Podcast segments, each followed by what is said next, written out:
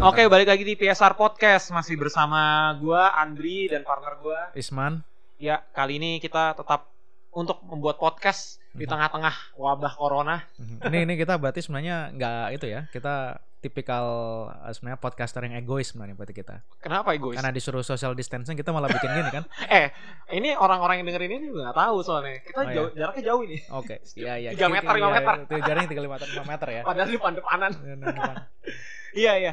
Kali ini podcast kita agak beda ya. Mungkin karena momennya tepat gitu. Mhm. Lagi wabah corona juga. Dan Mhm. ternyata tidak cuma hal perekonomian aja nih yang Mhm. kena dampak. Tapi Mhm. industri hiburan dan industri film spesifiknya juga kena dampak gitu. Mhm. Kena efeknya juga lah. Mhm.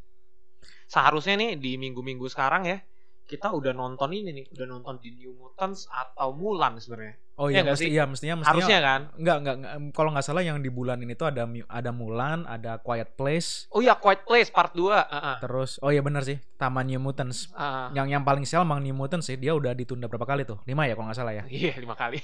lima Sedih kali gue gue gue rasanya udahlah gue gue rilis aja di itu video on demand aja lah gue rilis digital Ya, ah, ya udah. Iya. nggak gitu juga sih. Iya. Duitnya nggak ada. Iya. Cuma maksudnya harusnya sekarang-sekarang ini kita udah nonton tiga film major gitu, Hmm. major blockbuster itu Hmm. cuma karena corona akhirnya di apa ditunda diundur, diutunda gitu. ditunda hingga waktunya belum ditentukan Hmm. dan sebenarnya nggak cuma mereka bertiga aja sih yang ditunda lumayan banyak kan Black Widow Iya, iya. baru-baru ini ditunda Basically semua film yang akan rilis di bulan April, Mei sampai Juni ya sih? Maret, kayaknya April, Mei, Juni iya, itu kayaknya udah dimundurin gitu loh. dimundurin kayaknya begitu gitu. mungkin yang Juni masih mungkin bisa berubah karena oke kita nggak tahu lah dalam waktu 1-2 bulan ke depan nanti mungkin bisa jadi uh, wabahnya menurun cuman ya untuk saat ini sih kita berpikiran kayaknya April Mei Juni kayaknya akan ditunda semua film-filmnya Iya, sebenarnya sebenarnya menurut gue pihak studio atau PH pun juga kayaknya sebenarnya ya maju kena mundur kena nggak sih? iya ya Mereka maksa mau rilis juga bioskop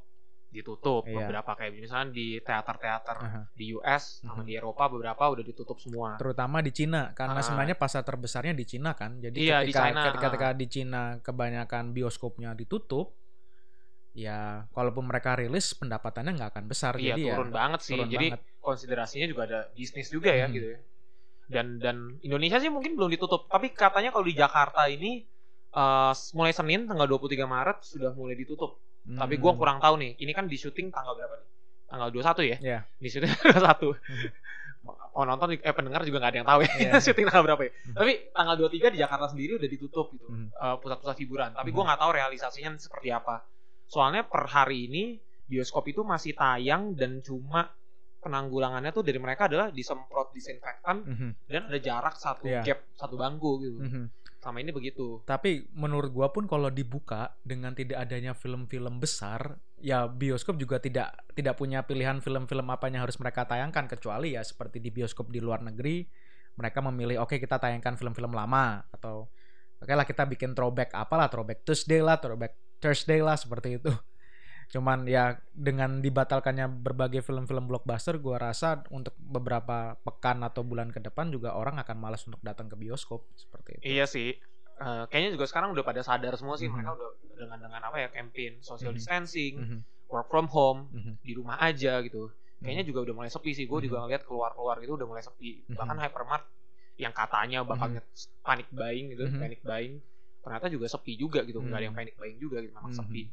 Memang memang dampaknya sih kena banget sih. Iya. Nggak cuma nggak cuma film yang diundur ya, Mhm. Cannes Film Festival, Mhm. SXSW, Southeast by Mhm. Southwest, Mhm. terus juga kayaknya Comic Con, Mhm. Comic Con Comic Con di berbagai negara yang Mhm. harusnya rilis di kuarter pertama, kuarter kedua juga diundur. Mhm. Eh, kayaknya memang memang ini impactnya gede banget sih gitu. Impactnya gede banget dan sebenarnya sih untuk studio atau distributor film sendiri ini perkara yang sangat-sangat sulit gitu lah. Hmm. Maksudnya eh, ditunda satu bulan aja mereka udah ruginya lumayan gitu, apalagi Oh, parah. sampai tiga bulan atau lebih Parah gitu. Dan gitu. ini bahkan ada yang mengestimasikan bisa jadi pandemi ini berjalan mungkin lebih dari setengah tahun seperti itu. Jadi gua rasa ya apa ya industri film setelah setelah ini mungkin tidak akan sama seperti sebelumnya mungkin akan ada yang bangkrut lah studionya atau Bangkrut enggak lah. Bangkrut enggak lah. mungkin bukan bangkrut bisa jadi dibeli atau oleh studio yang lebih besar atau investor lain kayak misalnya kemarin kita baca eh, misalnya Disney Disney dalam waktu dekat mereka mengapa menunda Mulan menunda Black Widow lalu kemudian mereka merilis Onward yang baru tayang berapa minggu ke digital Ah, ah, oh iya iya. itu itu basically berarti mereka ya kehilangan duit banyak banget gitu Hmm. Mestinya mereka bisa dapat let's say satu film bisa mendatangkan satu billion dollar sekarang mungkin nggak bisa karena gara virus corona ini berarti mereka udah spend banyak invest banyak untuk promosi dan tidak ada hasilnya atau tidak sesuai ekspektasi belum mereka terpaksa misalnya Disney harus menutup Disneyland Disney Oh World iya, gue juga lupa sampai situ ya. Bahkan sarana taman hiburan mereka Iya. juga ditutup ya. Ya Jadi- pendapatan. Jadi bisa dibilang ya Disney ini salah satu terdampak salah satu studio yang akan terdampak virus corona ini dan kemarin kan sempat ada berita misalkan Apple nih Apple mau beli Disney sekarang pun mereka mampu banget karena sebenarnya oh, sa- saham jadi Disney oh iya. dalam posisi yang rendah gara-gara ya Nah, penundaan penutupan dan segala macamnya karena virus corona mungkin harus dikasih konteks kali ya. Jadi eh, beberapa hari lalu ketika ketika Disney tuh udah mundurin Black Widow ya puncaknya, ternyata sahamnya Disney tuh anjlok gitu. Hmm. Terus salah satu analis kayak apa sih stok analis gitu Iya. bilang kalau sekarang nih Apple mau beli sahamnya Disney Hmm. gitu, which is akuisisi, Mhm. itu bisa banget gitu Mhm. karena sahamnya Disney sekarang sangat memungkinkan untuk Apple tuh dapat beli gitu. Mhm. Melihat kalau kita comparing Mhm. sahamnya Apple sama sahamnya Disney ya Mhm. gitu. Uh, tapi bukan berarti maksudnya itu tuh dengan mudahnya Apple mau beli Disney. Oke, gue udah punya duit, tinggal beli. Gak Mhm. semudah itu gitu. Mhm. Konteksnya gak semudah itu. Tapi kalau mau bisa Iya. dengan uang yang ada sekarang gitu. Karena Disney benar-benar anjlok banget sih Iya. sahamnya sih. dan ya Disney bukan satu-satunya gue yakin ini yang kita tahu sekarang baru Disney gue rasa kayak Sony, Universal, kemudian Warner Bros pasti juga saham atau kondisi keuangan mereka anjlok gara-gara virus corona ini. Tapi memang Disney yang paling kena dampaknya paling gede sih. Soalnya memang dalam setahun ini schedule kita kalau kita ngomongin scheduling rilisnya memang Disney tuh emang tight banget gitu. Mhm. Iya, compact banget. Jadi ketika diundur, Hmm. wah itu kan pasti bounce back kan ke Iya. belakang kan, Mhm. bounce back ke belakang sehingga film-film yang lainnya juga harus diundur. Gitu. Iya. Sedangkan Disney juga nggak bisa sembarangan mau naruh, oke ya udah semua diundur tiga bulan ya semuanya aja diundur tiga bulan nggak seperti itu kan, Iya. nggak harus melihat kompetitornya siapa, Iya, lawannya siapa. Oke, let's say misalnya Disney Black Widow dia mau geser dari misalnya Juni ke September atau November misalnya. Hmm. Bisa jadi di November sudah ada yang book slot di tanggal-tanggal tersebut sehingga nggak mudah bagi Disney untuk kemudian memudahkan Yang ngomongin actual sekarang, kalau misalnya Black Widow mundur ke Hmm. November, dia Hmm. barengan sama Eternals dong. Iya, makanya kan? itu. Jadi emang sulit banget. Kadang-kadang eh, scheduling seperti ini bisa jadi masalah ketika ada bencana seperti ini. Ya nggak nggak banyak yang mikir ya gampang lah tinggal diundur, tapi kenyataannya nggak ya. Enggak, enggak. Scheduling Karena, karena rilis kita tuh- harus mikir scheduling, harus mikir kondisi keuangan, terus promosi ulangnya. Mm-mm. Karena oke, mis- let's say sekarang ditunda. Kemudian mau diundur. Ke diundur ke tanggal berapa itu harus dipromosikan ulang. Berarti keluar duit lagi. Hmm. Seperti Oh itu. belum lagi. Ini kalau ngomongin Disney ya, Iya. kita mau konteks Disney dulu. Iya. Karena Disney memang film-filmnya yang paling banyak gitu Iya. dibandingkan studio-studio lain. Eh, kalau ngomongin Disney, kalau misalkan diundur gitu, diundur semua, oke lah. Misalkan Black Widow ke November, terus Eternal kan November, ya udah Hmm. diundur semua, gitu, Hmm. biar Nata. Berarti kan kayak MCU yang sudah di scheduling sampai 2021 juga harus diundur dong Hmm. semuanya. Nggak cuma ngomongin itu doang, Hmm. ngomongin scheduling dari para aktor yang harusnya udah syuting dan masuk masa produksi di tengah tahun ini, di Hmm. summer ini juga harus diundur gitu Iya.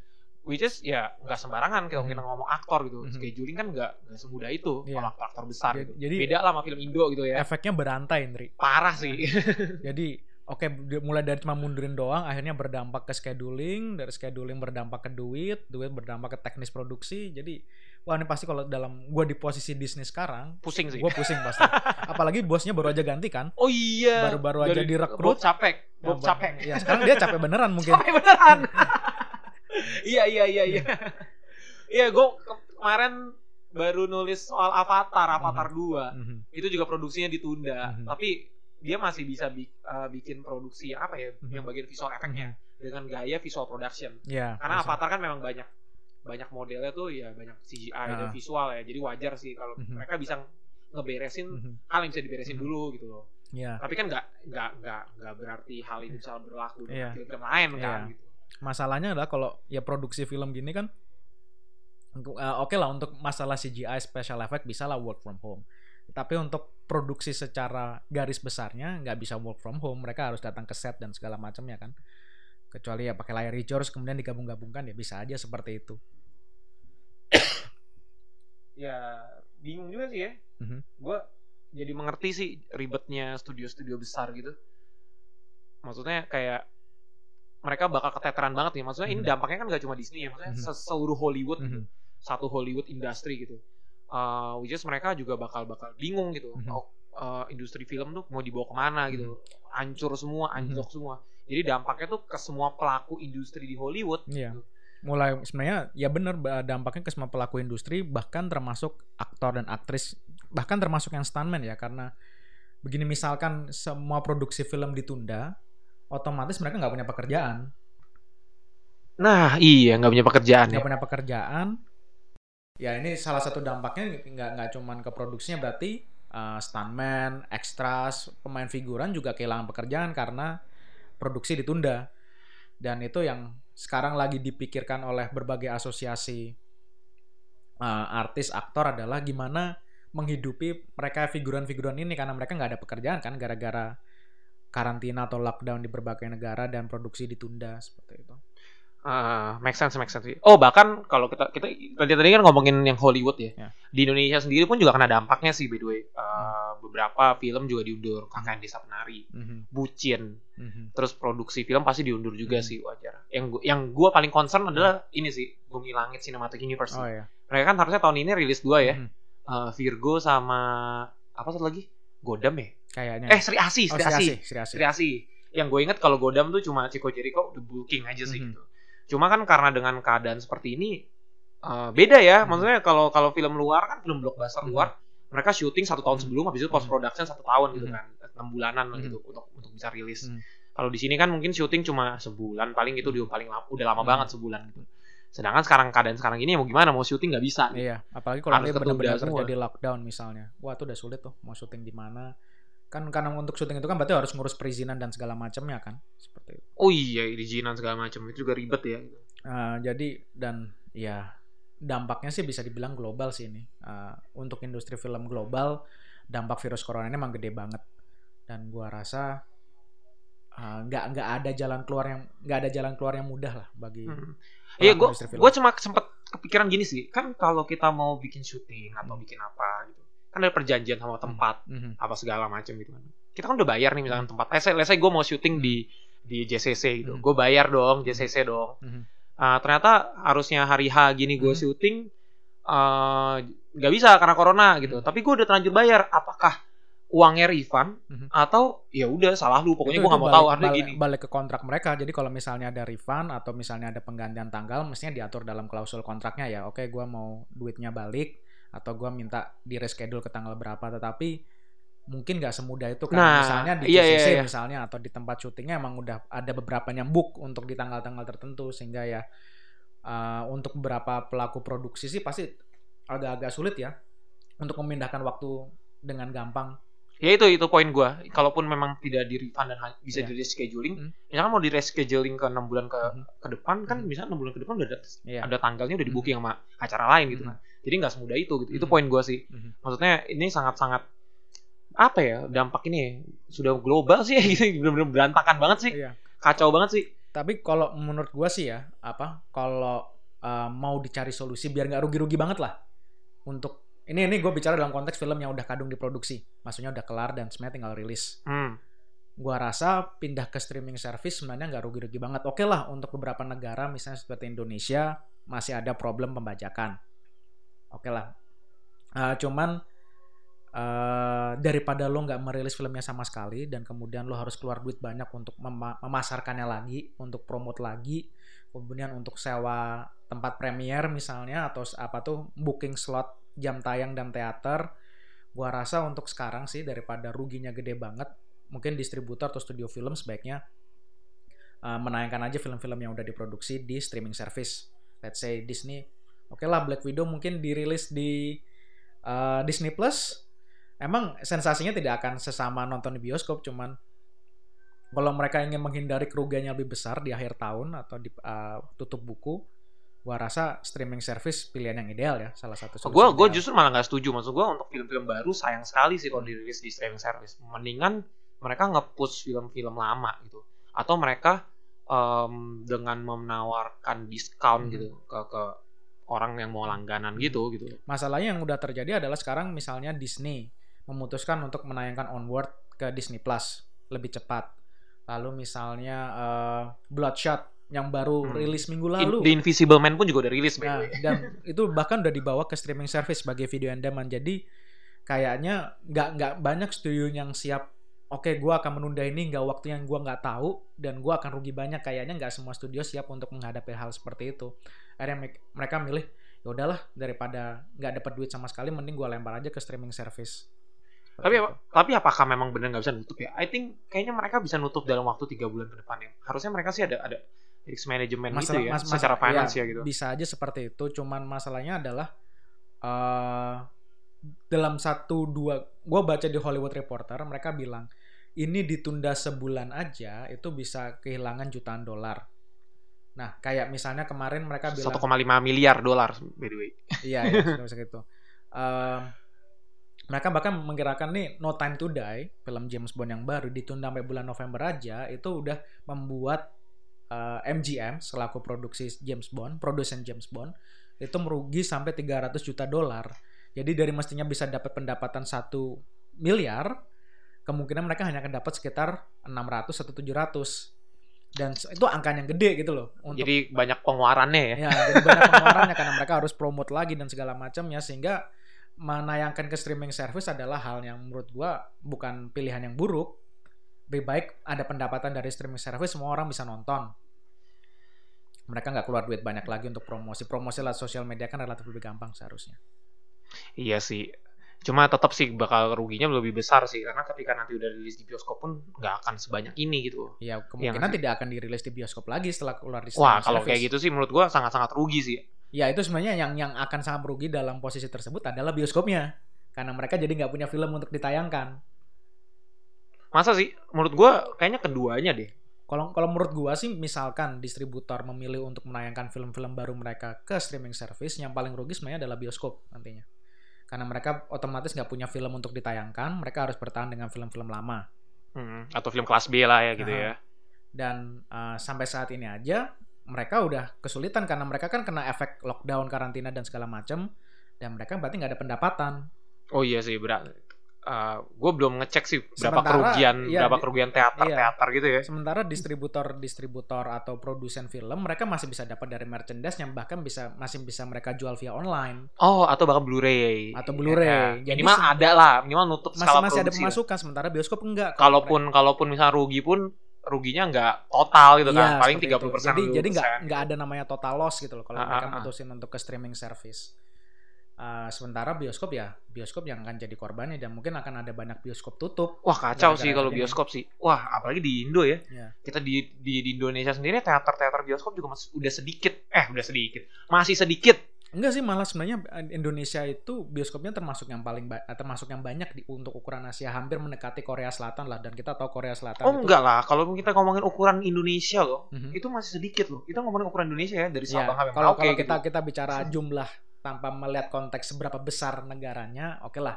Emang untuk ukuran Indonesia kecil, tapi kalau kita membandingkan angka saja tanpa melihat konteks berapa besar populasinya, sebenarnya jumlah bioskop di Indonesia tuh gede sebenarnya. Namun ya itu eh, dengan banyaknya eh, dengan adanya penundaan dan segala macam ini, gua rasa bioskop akan sangat merugi. gitu. Apalagi kalau nanti kemudian memutuskan distributor dan produser memutuskan ke streaming service pasti akan rugi banget jadi ya nggak tahu nanti dealnya bagaimana kayak kemarin gua baca Edgar Wright itu sampai ada concern ini kalau berkepanjangan uh, lockdown karantina atau pandemi virus corona itu akan banyak uh, bioskop-bioskop kecil di Inggris yang akan tutup Iya. iya. dan dan dia bilang Oh mereka mereka kalau di di negara besar ada bioskop independen ya. Iya ada bioskop independen. Mereka, mereka sampai Edgar Wright itu bilang gini, gimana kalau kita bantu mereka? Jadilah pelanggan mereka. Karena sebenarnya kalau di luar negeri ada sistem membership untuk bioskop. Oh. Jadi kalau lo jadi member, lo bisa nonton dengan harga lebih murah atau lo dapat uh, nonton Gratis gratis, gitu. setiap kali. Iya, nonton. dulu sempat sempat diadakan di Indo sih. Hmm. Dulu zamannya sebelum CGV kan ada Blitz Megaplex tuh. Hmm. Mereka juga ada membership gitu. Hmm. Jadi sehari bisa nonton film satu gratis Hmm. selama sebulan. Jadi total 30 kali nonton lah Iya. sehari satu kan. Mhm. Tapi kayaknya nggak terlalu berlaku ya. Iya, karena mungkin jumlah waktu itu film Di Blitz yang masuk ke Blitz juga nggak banyak. waktu ya itu kan? belum banyak. Uh-uh. Sekarang kan film Indonesia juga banyak kan, Hmm. sehingga relatif lebih bervariasi. Mungkin masih yang ke gitu. bioskop sekarang. Mungkin sekarang CGV ngeliat kayaknya kalau pakai itu rugi deh kita. Iya, gitu. Makanya nggak Iya. dibikin lagi. mungkin lagi. Mungkin sekarang akan akan sistem subscription, mungkin akan akan berguna untuk bioskop, tapi kita nggak tahu. Susah sih. Ah, maksudnya ini kan masuk ke ranah industri hiburan dan Hmm. film ya. Maksudnya untuk sampai kita mikirin ya kita peduli gitu. loh. Apalagi orang kayak kita kan memang kerja di industri media Hmm. which is ya pasti kita akan bantu gitu kalau memang apa yang terjadi dengan industri film kita. Hmm. Cuma untuk orang-orang secara umum kan masih menganggap ini kan hal yang hiburan ya, bukan Hmm. suatu hal yang prioritas gitu. Iya. Prioritas kita lah gitu. Sehingga instead of kayak gue bantu mereka nyumbang ke bioskop gitu, bioskop-bioskop lokal. Hmm. Ini gue ngomong konteks Inggris ya, belum ngomongin konteks Indonesia Iya. dan global. Eh, mendingan gue mikirin gimana gue hidup gitu. Gue Iya. kerja aja bingung gitu. Iya, iya. sih? Iya. Gue kerja aja belum tentu bisa ngidupin gitu gara-gara corona. Masuk akal. Harga naik, ekonomi anjlok. masuk akal. Pound sterling naik nggak pound sterling? gue belum cek. US, US dollar tuh setelah nyentuh 16.000 ribu dia drop sekarang 15.800 per hari ini ya. Iya. Per tanggal 21 nih. Iya, iya. Nanti kalian denger tanggal berapa? Iya. Enggak tuh, enggak tuh. Gitu. Ya ini memang emang serba serba sulit sih. Maksudnya oke lah, gue gua melihat. Maksudnya gini, karena kita karena kita adalah penggemar film, maka kita berpikiran adalah wah sayang banget kalau misalnya bioskop tutup atau kalau nggak ada bioskop nanti eh, gimana orang-orang yang selama ini dihidupi dari bioskop mereka Iya, yang iya. proyektor, mereka yang jual popcorn dan segala macamnya. Kalau nggak ada bioskop mereka kerja apa? Iya, Sekarang? logikanya kalau misalnya nanti Senin tanggal 23 Maret ini Jakarta ditutup, Iya. bioskop ya itu pada ngapain itu pegawai-pegawainya gitu. Seperti itu. Ya nggak sih? Gue juga nggak tahu kebijakan mereka gimana. Apakah akan prorate Hah?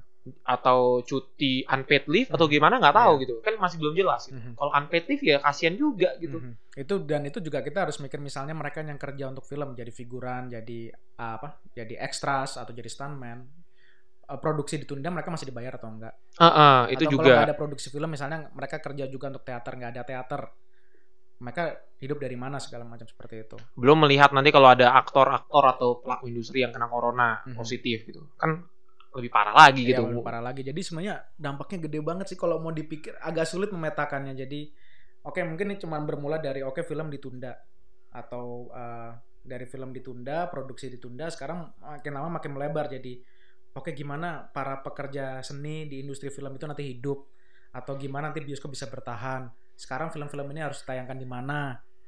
Terus eh, kalau film ini masih mau ditayangkan di bioskop, nanti mesti dipromosikannya berapa, keluar duitnya berapa dan segala macam Iya, iya. dari hal yang awalnya kecil lama-lama jadi kompleks banget untuk masalah uh, industri film ini gara-gara virus corona. Iya iya, menurut oh kemarin gue juga sempet baca ini sih eh, kayak Oscar di akademi juga agak bingung nih. Hmm. Kan mereka kayak ada ada sistem-sistem gitu Hmm. kan. Kalau lu mau masuk film ke Oscar, eligibilitasnya tuh Hmm. kayak ada ada waktunya lah, Hmm. tenggat waktunya. Kan sebenarnya sudah dimulai dari Hmm. sekarang nih, Hmm. dari dari sekarang. Mhm, Tapi melihat menilai begini, mhm. mereka bingung sistem selanjutnya gimana nih? Udah Hmm. kagak ada film yang mau dirilis apa Hmm. segala macem, mau disubmit juga bingung gitu, berantakan lah gitu. Iya. Tapi poin gue adalah sebenarnya eh, industri film sih akan berjalan Mhm, seperti biasanya. mhm. Cuma recovery-nya aja yang agak agak, Mungkin agak mungkin lama. akan makan waktu lama. Ah, recovery. mungkin setahun ini akan keteteran anjlok gitu. Mhm, Cuma tahun depan ya mungkin akan membaik lagi. mhm. Ya cuma itu recovery-nya berantakan kan gitu. Jadi Gua- harus pelan-pelan ngeberesin. Hmm. Ada yang harus dikorbankan gitu. Iya. Rencana-rencana jangka panjang itu harus ada yang dikorbankan. Kalau gue juga berpikiran adalah dam- dampaknya selain ke operasional. Oke, operasional industri film adalah cara orang menonton film ke depannya.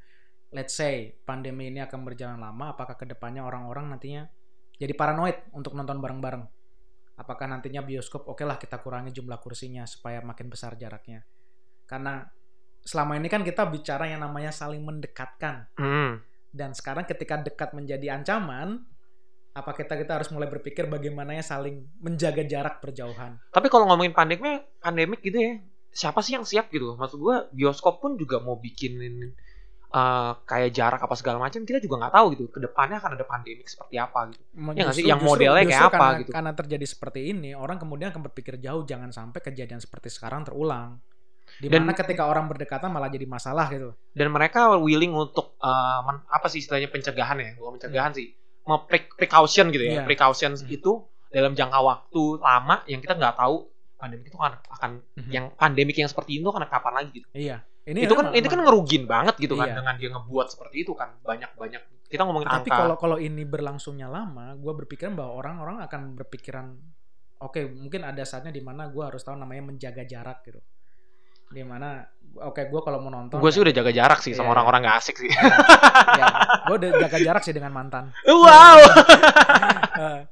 eh, di mana, oke kalau gue nonton, gue tidak apa tuh setiap kursi ya diberi selah seperti itu. Gue rasa sih itu nggak nggak nggak- terlalu ngefek sih maksud gue tidak akan efektif menurut Hmm. gue yang seperti itu karena pandemik apa pun itu Hmm. orang tuh nggak akan pernah siap negara mana sih yang siap karena pandemik itu menurut gue tidak akan pernah siap gitu dan apalagi industri hiburan gitu Hmm. lu mau bikin jarak pun juga ending endingnya tuh bukan masalah jarak gitu Hmm. jarak tuh tidak menanggulangi Mhm. ditutup juga kok Iya sih juga sih. juga gitu bioskop itu tutup Nah satu lagi yang gue berpikiran adalah ketika sekarang uh, beberapa bulan ke depan nanti orang akan lebih banyak menghabiskan waktu di rumah, social distancing, mereka akan cenderung ya kayak emang lebih enak nonton. gaya hidupnya gaya Iya. hidup berubah sih menurut gue akan Kemungkinan gitu. Jadi gaya menontonnya juga berubah. Jadi kayak emang lebih enak nonton di rumah deh, uh, st- lewat streaming service atau video on demand dibanding gue pergi ke bioskop. Oh iya, menariknya gini. Jadi ini, ini fakta menarik, gua fakta menarik sih. Ya. Jadi menarik gua pribadi. Jadi beberapa waktu lalu kan uh, uh, gua subscription Zoom Pro. Hmm. Zoom tuh kayak semacam apa ya? Kayak webcam Iya, versi iya. meeting gitu lah ya, kantoran gitu lah. Hmm. Ka- Abis itu ya kita kayak webcaman bareng-bareng gitu sama teman-teman rame-rame. Hmm. Ternyata kan kalau di Zoom Pro itu kan kayak lu punya kayak virtual background kayak Hmm. smart gitu kan. Mhm. Jadi dia kayak bisa detect muka lu Mhm. ketika lu masukin video atau gambar Hmm. kayak otomatis belakang lu tanpa Hmm. perlu green, Hmm. screen Hmm. itu akan akan jalan gitu. Mhm. Terus lu bisa share screen. Mhm. Nah, poin gue adalah ketika lu share screen, Mhm. itu lu bisa taruh video, Iya iya. film. Mhm. Jadi kayak kemarin tuh kita kepikir apa kita nonton Netflix bareng-bareng ya Iya. gitu sambil ngambil dan itu ternyata seru gitu by the way. Mhm. Itu seru banget sih gitu. Jadi kemarin tuh cuma gue sih cuma bercanda-bercanda gitu masukin Avengers dan Mhm. stuff gitu. Itu lucu banget gitu Iya, kayak, "Eh di belakang gua ada hal kayak gitu." Hal Dan- seperti itu mungkin terjadi karena sekar- di saat sekarang semua orang menghabiskan sebagian besar waktunya di rumah, lalu kemudian streaming service menjadi hiburan pengganti bioskop. Enggak, Kemudian iya iya iya. Enggak semua orang tuh bisa nonton sendiri gitu. Iya. Maksud gua enggak bisa nonton ya bosen gitu Iya. apalagi ini dalam jangka waktu berapa nih sebulan kan iya, gitu. mungkin lebih gitu. Jadi mungkin nanti ke depannya adalah orang akan lebih memilih nonton streaming service atau bareng-bareng via telekonferensi, Zoom, iya, via Zoom telekonferensi seperti gitu. itu dibanding pergi ke bioskop. Seperti itu. Dan gue jadi kepikiran nantinya apakah ya ini akan menjadi tren baru ke depannya gitu nonton bareng-bareng tapi dari rumah. Jadi non barnya oke ya ini kita akan non Di- bar Avengers dari rumah masing-masing. 5 tetapi tinggal di bioskop gitu. Kita non bar dari rumah masing-masing gitu. Iya, gaya hidupnya mulai berubah sih. Bisa Gua jadi seperti itu gitu. gua gua nggak heran sih. Ya cuma memang tidak ada yang bisa menggantikan nonton langsung sih ya. Iya. Maksudnya benar-benar secara secara fisik. cuy. Cuma Kalau- mungkin dalam waktu dekat ini kayak gitu sih. ke depannya apa tuh uh, setup home theater lebih murah, I- Iya sih. Home theater. proyektor gampang, sama bisa bikin nonton bareng-bareng juga. iya, tetap kita tetap keluar kalau home theater dong. Ya, Iya, ya udah gitu lah konsiderasinya. Cuma maksud gua memang gaya hidup pasti akan berubah. Iya. Karena ini ngomong kemarin ngomong dari generasi kita, Hmm. gitu. generasi 20 sampai 30-an. Hmm. Gua nggak tahu kalau mungkin anak-anak generasi bawah kita nanti kan lebih shifting, lebih Hmm. individualis, lebih woke culture, lebih aneh-aneh gitu. Hmm. Dengan gaya hidup mereka yang aneh-aneh gitu, Ma- malah main TikTok lagi pas lagi corona yang gini. Jadi gua nggak akan heran sih kalau tiba-tiba nanti gaya hidup generasi baru ini tidak tidak akan nonton keluar bareng-bareng secara Iya. fisik gitu, lebih Tapi males, mereka lebih lebih dari virtual. rumah aja Nah. gitu, lebih dari virtual gitu. Gua nggak heran sih gitu. Tapi di satu sisi berarti infrastruktur internetnya harus siap tuh, karena misalnya gini sekarang eh, di Eropa sendiri itu sampai Uni Eropa tuh minta Netflix menurunkan kualitas videonya dari 4K ke HD atau eh, ke atau ke standard definition. Kenapa? Karena saat sekarang semua orang terpaksa berdiam di rumah dan mereka menonton Netflix sebagai hiburan, semuanya menonton di saat yang bersamaan dan melebihi di apa tuh di Bandwidthnya ya? ya bandwidthnya melebihi di Bandwidthnya. periode-periode puncak kayak masa liburan dan segala macam sehingga mereka pikir wah nanti ini uh, dengan kapasitas internet ini kita nggak pernah membayangkan orang akan nonton Netflix di saat yang bersamaan segini banyak seperti Iya, itu iya, sehingga akhirnya mereka minta tolong Netflix tolong dong turunin kualitas video lo ke standard definition aja akhirnya YouTube pun juga terpaksa menurunkan kualitas videonya supaya Iya sih. bandwidthnya ada ada uh, sisa tempat kalau untuk nantinya uh, saat-saat darurat seperti itulah Iya iya. Emang memang bakal dampak dari wabah ini memang mungkin memang perlu diginiin kali ya biar gaya mungkin berubah. mungkin seperti itu Jahat banget ya gitu. Mungkin Ini. memang perlu diginiin kali. Soalnya akhirnya beberapa ini kalau ngomong di luar film ya beberapa perusahaan-perusahaan konvensional Hmm. gitu bank Hmm. yang selama ini masih menggunakan PC Mhm. PC intranet Mhm. gitu. yang kalau kita kan kita kan udah Iya. lock cloud ya Mhm. apa apa di drive makanya work from home buat kita tuh ya udah Mhm. emang sudah biasa kayak begitu tapi mereka ternyata beberapa bank-bank besar di Indonesia sendiri masih kayak begitu masih Mhm. kolot Mhm. masih pakai PC data juga masih lokal lokal server masih pakai intranet gitu jadi ketika disuruh diimbau untuk Mhm. work from home ya mereka bingung Mhm. orang data gue semuanya ratusan giga ada di Iya. server lokal semua gimana cara bawa pulang gitu Iya, gitu. Iya. mungkin setelah ini mereka akan Ini- ini- mikir sih Iya. Gua gue bisa mengatakan bahwa pandemi ini mungkin jangan dipandang sekedar pandemi aja tapi disrupsi. Hmm, disrupsi apa ya sosial dan teknologi dan macam-macam Iya, jadi untuk kita melihatnya dari konteks industri film ya ini disrupsi ke cara orang menonton film, cara bagaimana film distribu- didistribusikan dan bagaimana cara film diproduksi.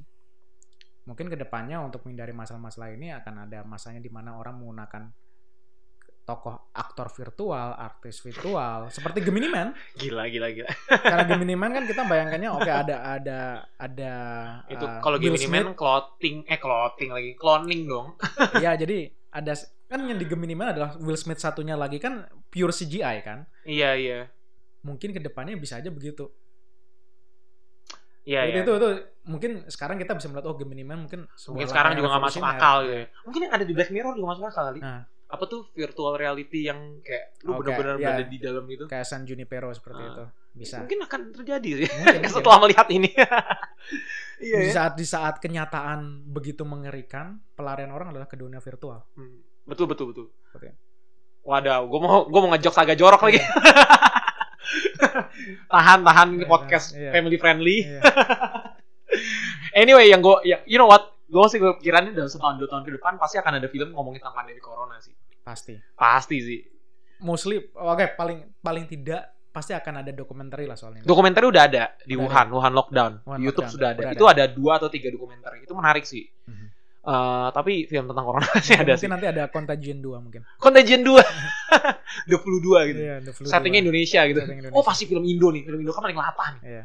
Kemarin nanti aja pasti pendekatannya itu dari mereka yang survival dari penyintasnya. Iyo, iya. Mereka yang berhasil bertahan hidup gitu Oh, atau eh, misalnya dari suster-susternya gitu. Ya, soalnya norak ya. nanti Indo. ada unsur-unsur konspirasinya bahwa ternyata ini bioweapon dan segala macamnya. Soalnya corona begitu corona rame aja langsung dibikin ini musik dangdut Iya. corona. Eh ya ampun. Iya, iya. Gue nggak heran sih. Iya. Kalau kalau film Indonya akan akan segera cepet Ya, naik gitu. Kakak Desa Penari aja nggak nyampe setahun dibuat. Iya sih benar juga. Gue nggak heran gitu kalau misalnya corona pun nggak dibuat tahun Iya, depan iya, gitu. bisa bisa. Oke sih, paling gitu aja kali ya pembahasan kita ya. Mhm. Karena dampak-dampak dari film ini memang banyak banget gitu di Iya. perfilman gitu. Terutama kita. Mhm. Harusnya kita banyak materi nih, udah siapin materi, Iya. mundur semua. Iya. Nggak ada film. Kita mau bahas film. apa coba? Cuma bahas ini diundur, syuting ini ditahan. mungkin mungkin ini bisa dilihat blessing in disguise lah. Jadi kita di dipaksa untuk lebih kreatif. Eh mau kreatif gimana, Bro? Kita kita harus melihat apa tuh kita harus menengok ke belakang ada film-film apa yang orang belum tahu hidden game gitu. mungkin sih, mungkin kita akan bahas film-film yang zaman dulu aja kali ya. Iya. Mulai-mulai maksudnya karena nggak ada film baru ya bahas film yang lama. Mhm. Karena bosan juga sih kita bikin konten kayak kalau perhatiin YouTube kita belakangan ini ya bahas film tentang wabah Mhm. gitu-gitu kayak karena bosan gitu loh. Iya. Lebih Kita ya, kita nggak ingin mengkapitalisasi bencana juga. Iya kan, nggak mau juga kan Iya. gitu. Harus cari yang baru juga. Makanya mencoba untuk mungkin rekomend-rekomendasi film akan jadi jadi ini sih ya. Kayaknya begitu. Akan jadi konten utama kita gitu ya. Karena di rumah mau ngapain gitu. Mhm. Nonton Ya, film apa juga. ya gitu. Iya. Kita nonton film apa ya gitu. Iya, Paling kan benar. gitu doang gitu. bener juga. Hiburannya itu doang gitu. Mhm. Mau connect sama orang juga mungkin kitanya oke keluar-keluar tapi yang Ya itu. orang mungkin, yang di pengen kita ketemu malah nggak bisa ya sama aja. mungkin, gitu. mungkin ini saatnya kita bikin nonbar via No. Zoom. Via Zoom. ya udah kita coba nih. Iya. Kalau gua sukses, gua rasa kita akan lanjutkan itu. Iya. Coba deh abis ini nih. Abis ini kita coba deh satu komunitas kita coba ajak nonton bareng Zoom. Coba deh kalau sukses gua akan ngomong ini ke ini loh, ke mungkin ke YouTube atau ke Instagram kita. Jadi kita akan bikin streaming. Iya. Oh iya live streaming ya. Iya, menarik ya. iya. Dari Instagram story atau apa gitu Nanti, habis kita itu bikin. diskusinya langsung via Zoom juga. Iya, menarik sih. Iya. Gak pernah belum pernah nggak sih ada kejadian? Kayaknya Kita langsung ada. dibuat deh. Eh, kita kita coba bikin. Gara-gara ini nih, ini ya. baru ide nih. Oke deh, abis podcast ini kalau tiba-tiba ada ada ajakan-ajakan untuk seperti itu, kayaknya langsung aja. Iya, Nggak iya. perlu babi ibu ya. Iya. Ya Mungkin, udah, mungkin ya kita harus ajak-ajak eh, youtuber-youtuber lainnya juga yang film. Wow, youtuber lain. Nantilah kita Iya, bikin iya. internal dulu. Iya. Kalau misalnya rame kan Zoom itu up to 100 ya. Iya. Dapat 30 atau 20 sih gua rasa menarik Iya. sih nonton bareng gitu sih. Jadinya nggak rugi-rugi amat kita Hmm. subscribe Zoom Pro gitu. Iya betul. Terus juga habis nonton juga dapat konten. Iya, dapat gitu. Diskusinya kita Iya. jadiin konten Iya. sama aja. Iya. Emang otak konten tuh Cuan, cuan is king. gua. kita cuma manipulasi kalian saja sebenarnya. Kita monetisasi. Kita monetisasi. Kalian menjadi komoditas. ya udahlah paling gitu aja sih yang bisa kita bahas. Mungkin teman-teman bisa rekomendasiin kita sih, maksudnya kita bisa bikin konten apa. Selama ini kan kita ada beberapa games ya di Instagram Story ya, jadi teman-teman bisa ikutan gitu. Hmm. Kayak film-film apa sih yang bisa kita tonton di rumah gitu. Terus ada bingo juga gitu gitulah. Ya paling gitu sih. Ada lagi yang mungkin kita bahas? Nggak ada Itu ya? aja kali ya. Gitu aja kali. Oke, thank you udah dengerin kita. Eh seperti biasa kalau teman-teman ada rekomendasi langsung bisa komen di Instagram kita Playstop Rewards atau komen di YouTube kita juga Playstop Rewards. Eh, kira-kira konten apa sih yang bisa kita buat langsung DM aja gitu. Kita bakal pasti baca lah gitu. Nggak mungkin kita nggak baca orang masih dikit kok engagementnya. Iya, iya. ya paling gitu aja sih. Thank you udah dengerin. Ya udah gitu aja. Dah.